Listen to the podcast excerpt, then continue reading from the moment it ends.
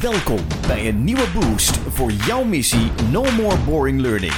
Dit is de Brain Bakery Podcast. Wat lekker dat je weer luistert en fijn dat je er weer bent bij een gloednieuwe aflevering van onze podcast. En ik ben hier weer met Sjane. Hi Jan-Peter.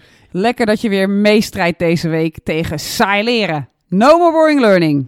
In deze podcast gaan we het hebben over een super interessant en volgens mij mooi fenomeen. Het fenomeen van de erkende ongelijkheid. Het principe van de erkende ongelijkheid. Ja. Prachtig principe. Nou ja. hè? ja.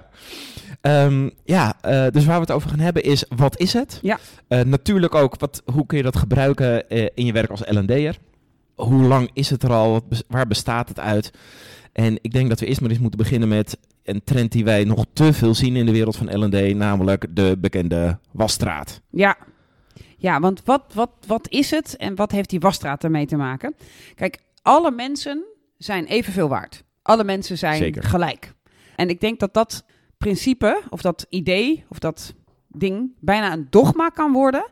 Waardoor we allemaal denken, omdat iedereen gelijk is, moeten we ook iedereen hetzelfde behandelen. Ja, dat, dat klinkt heel mooi Ja, en rechtvaardig. absoluut. Ja. En, en ik denk dat wij dat ook heel veel zien, eh, dat we dat graag doen. En, en, maar dan krijg je ook verschrikkelijk vervelende dingen, zoals dat we het onderwijs hebben ingericht eh, op het geboortejaar. Ja, Kom jij uit dit jaar, dan zit je in die batch en dan duwen we jou door de leerstraat, genaamd klas 1. En dan mag je daarna, als je precies hetzelfde weet als de rest en daar evenveel eh, genoeg van weet, mag je door naar klas 2. ja het is heel, heel En er is iets mis met je als je dus inderdaad dan een klas overslaat. Want dan, moet je, dan heb je dus ineens een andere klas. En dan zit je met je verkeerde geboortedatum erin. En, en als je blijft zitten, is ook, ook niet goed. Dus ergens is er een soort... Dat principe van we zijn allemaal gelijk. Hè, we zijn allemaal evenveel waard. Dat is geworden. Dus moet ook iedereen evenveel weten. En op dezelfde manier door het onderwijs heen ge- getrokken worden. De basisvorming. De basisvorming. Ja, Tering, ja. Dat, dat is gewoon de eerste twee jaar van de middelbare school. Ja. Iedereen, wel met natuurlijk het, eh, de variatie in het niveau, hè, Ja. VMBO, HAVO, VWO. eh, maar iedereen hetzelfde. Iedereen hetzelfde. Ja. Dat is wat we doen. Eh, op de lagere scholen, middelbare scholen, op de peuterzalen al. Daar is waar we mee bezig zijn. En eh, ook in heel veel trainingen, denk ik dat ook gebeurt, krijg je door eh, de wasstraat, die zetten we dan even op. Dus het wordt een beetje gekscherend wel gezegd door grotere organisaties. Ja, dan hebben we een wasstraat ingericht. Maar eigenlijk is het gewoon, ja, iedereen moet dit gewoon weten en verder je bek houden en door. Ja, van die uitdrukkingen van we halen iedereen er doorheen. Ja, Zo. Ja. ja. Het, een beetje het gelijke monniken, gelijke kappen principe. Ja. Ja. een hele oude uitdrukking. En Ja. eigenlijk betogen wij misschien wel in deze podcast. Ongelijke monniken. Juist. Met ongelijke Ja, kappen. wel gelijke monniken misschien, maar ongelijke kappen. Ik denk dat precies. dat dan is. Oh ja, precies. Ja. Maar als je een ongelijke monnik bent, dan krijg je, mag je ook een ongelijke kap. D- Dat zeker. Oh ja, oké, dit wordt heel verwarrend, mensen. Ja. Laten we even teruggaan in de geschiedenis, want er is hier al veel over gezegd. Jij hebt iets over Augustinus. Ja, ja, Augustinus, die hoor je niet snel voorbij komen, denk ik, in een Learning and Development podcast. Maar de wijsgeer Augustinus schreef in het jaar Anno Domini 397, sorry, die moest er even in, Eh 397, eh, schreef hij een, nou ja, een geschrift, eh, een document. En daarin zegt hij eh, dat, dat het is belangrijk dat we eensgezind samenleven. En daar zegt hij, om eensgezind samen te leven, Ja. is het belangrijk dat we gebruik maken van het principe eenheid in verscheidenheid. Mm. En daar schrijft hij niet dat hij iedereen evenveel moet geven, want u bent niet allen even sterk. Maar aan elke persoon moet gegeven worden wat hij persoonlijk nodig heeft. Juist. Augustinus. verscheidenheid. Wist het al. Juist. Ja. ja, George Orwell wist het ook al in zijn Kijk. fameuze boek 1984. Toen, daar gebruikte hij het alleen met een andere ondertoon. Ja. Maar daar zei hij van eh, all animals are equal, but some animals Ja. are more equal than others. Ja, En dat, daar gebruikte hij dit om hen, om de, met name de varkens erboven te stellen. Dat waren toch wel de allerbeste dieren. En in 1938 schreef George, Or, eh, George Orwell, nou dan ga ik hem ook Orwell noemen, Reeves, George Ja. Reeves, en wel, wel weer een George, maar met een andere achternaam.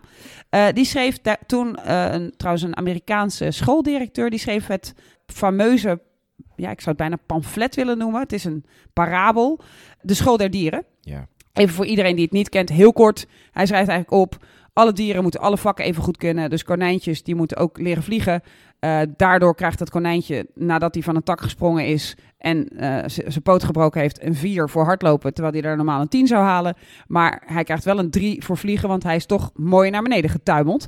En trekt hij uiteindelijk de conclusie, welk dier is nou het allerbeste dier der alle dieren? Nou, dat is er eentje zonder botten, want die kan niks breken. En ieder dier heeft zich bekwaamd in alle vakken. En het beste dier is dus de kwal. Um, ja, nou ja, als je echt een kwallenliefhebber bent, dan vind je dat misschien mooi, maar niemand wil toch echt een kwal zijn. Dus hij pleitte 1938 toen echt ook al uh, voor een onderwijs waarbij een eekhoorn de mooiste eekhoorn mag zijn en de beste eekhoorn mag zijn, in plaats van dat de eekhoorn moet leren zwemmen, vliegen of iets anders. Dus hij pleitte toen al van ga nou eens uit van uh, je talent en ga dat nou eens beter maken. En ik denk dat wij als L&D-wereld best wel in de Ja. ogen van Augustinus en van George Reeves zondaars zijn in hoe vaak we mensen in een klasje zetten en ze ergens doorheen In- trekken Door de wasstraat. door de wasstraat Ja. en zorgen dat iedereen hetzelfde leert. Ik denk dat er ook in teams, eh, dat dat ook veel daar gebeurt. Hè? Dat er veel gebeurt in teams dat je eh, wel in vergaderingen zit en dan krijgt iedereen evenveel spreektijd over een Ja. onderwerp waarvan er misschien twee mensen zitten die dat echt jaren hebben bestudeerd, die daar misschien veel meer, veel meer spreektijd zouden moeten krijgen. En dat is denk ik dat principe van erkende ongelijkheid.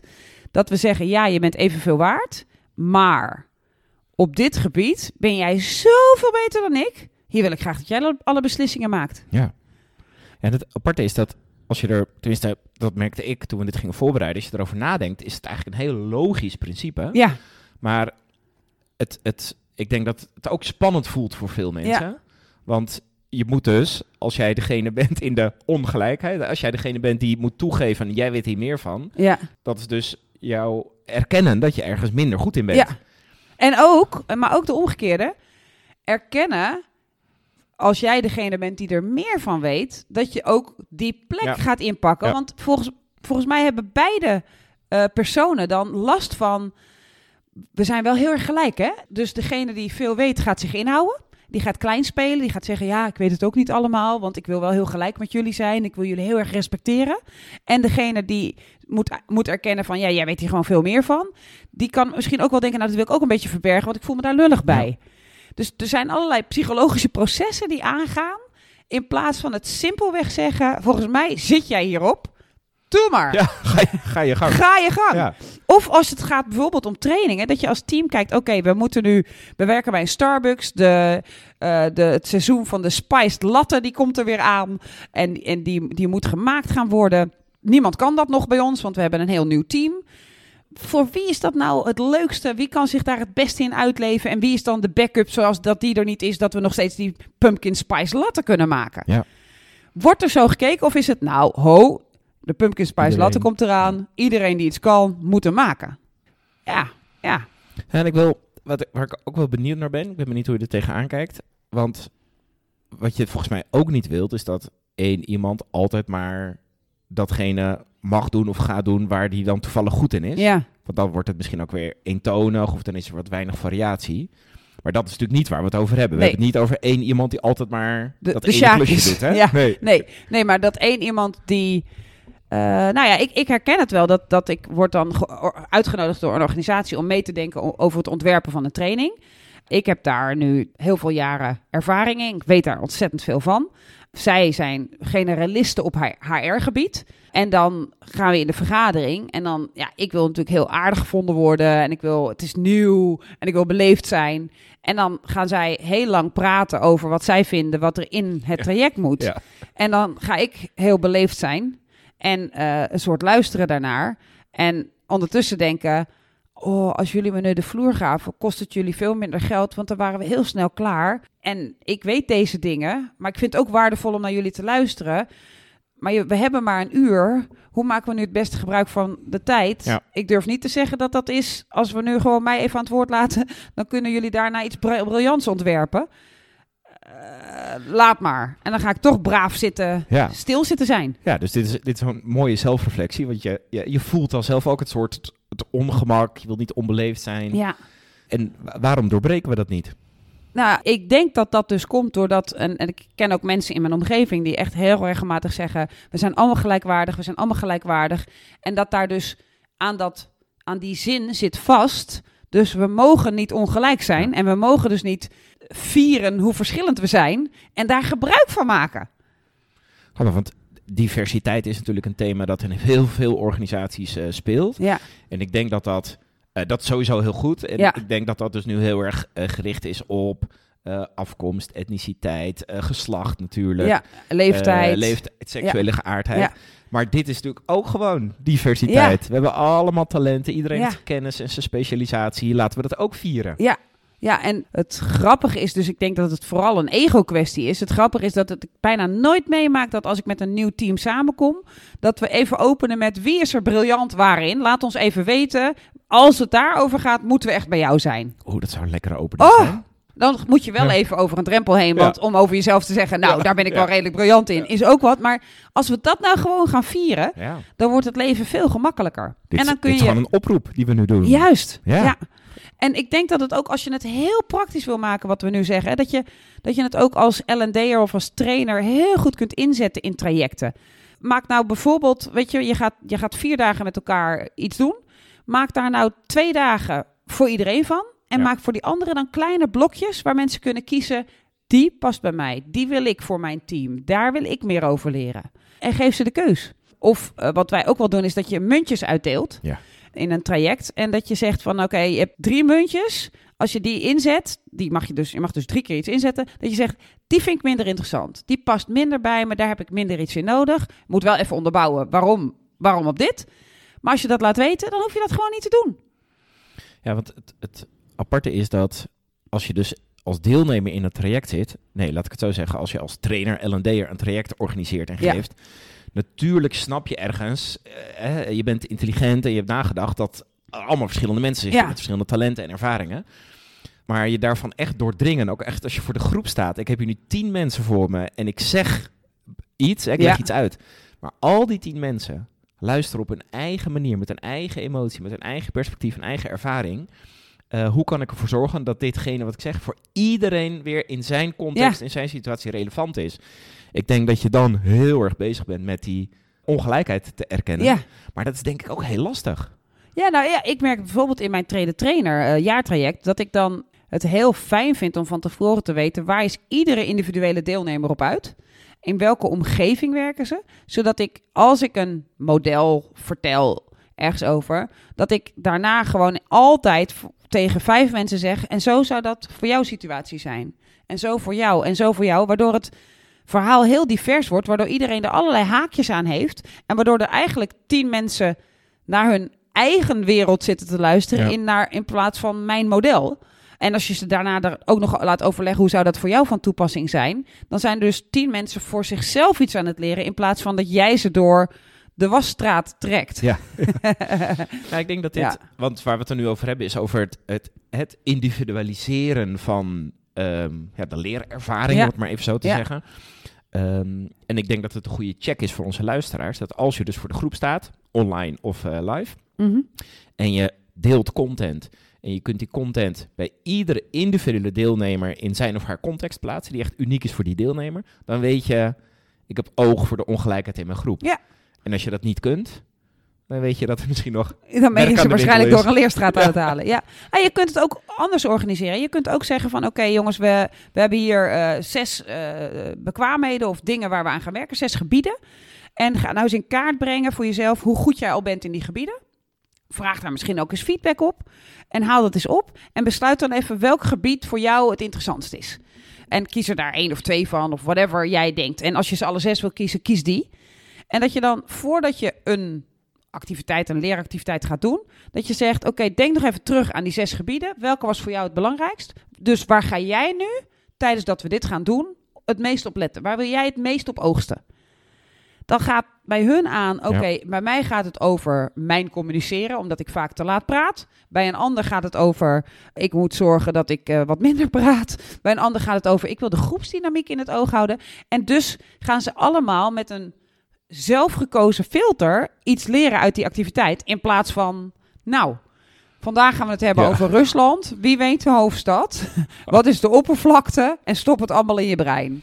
Arme Mathilde. Ja, Ja, red haar. Ja. Dit was een referentie aan ons eh, boek eh, No More Boring Learning. Waar we eh, het opnemen voor Mathilde die door een wasstraat wordt getrokken. ja, zes jaar lang op de middelbare school. Ja.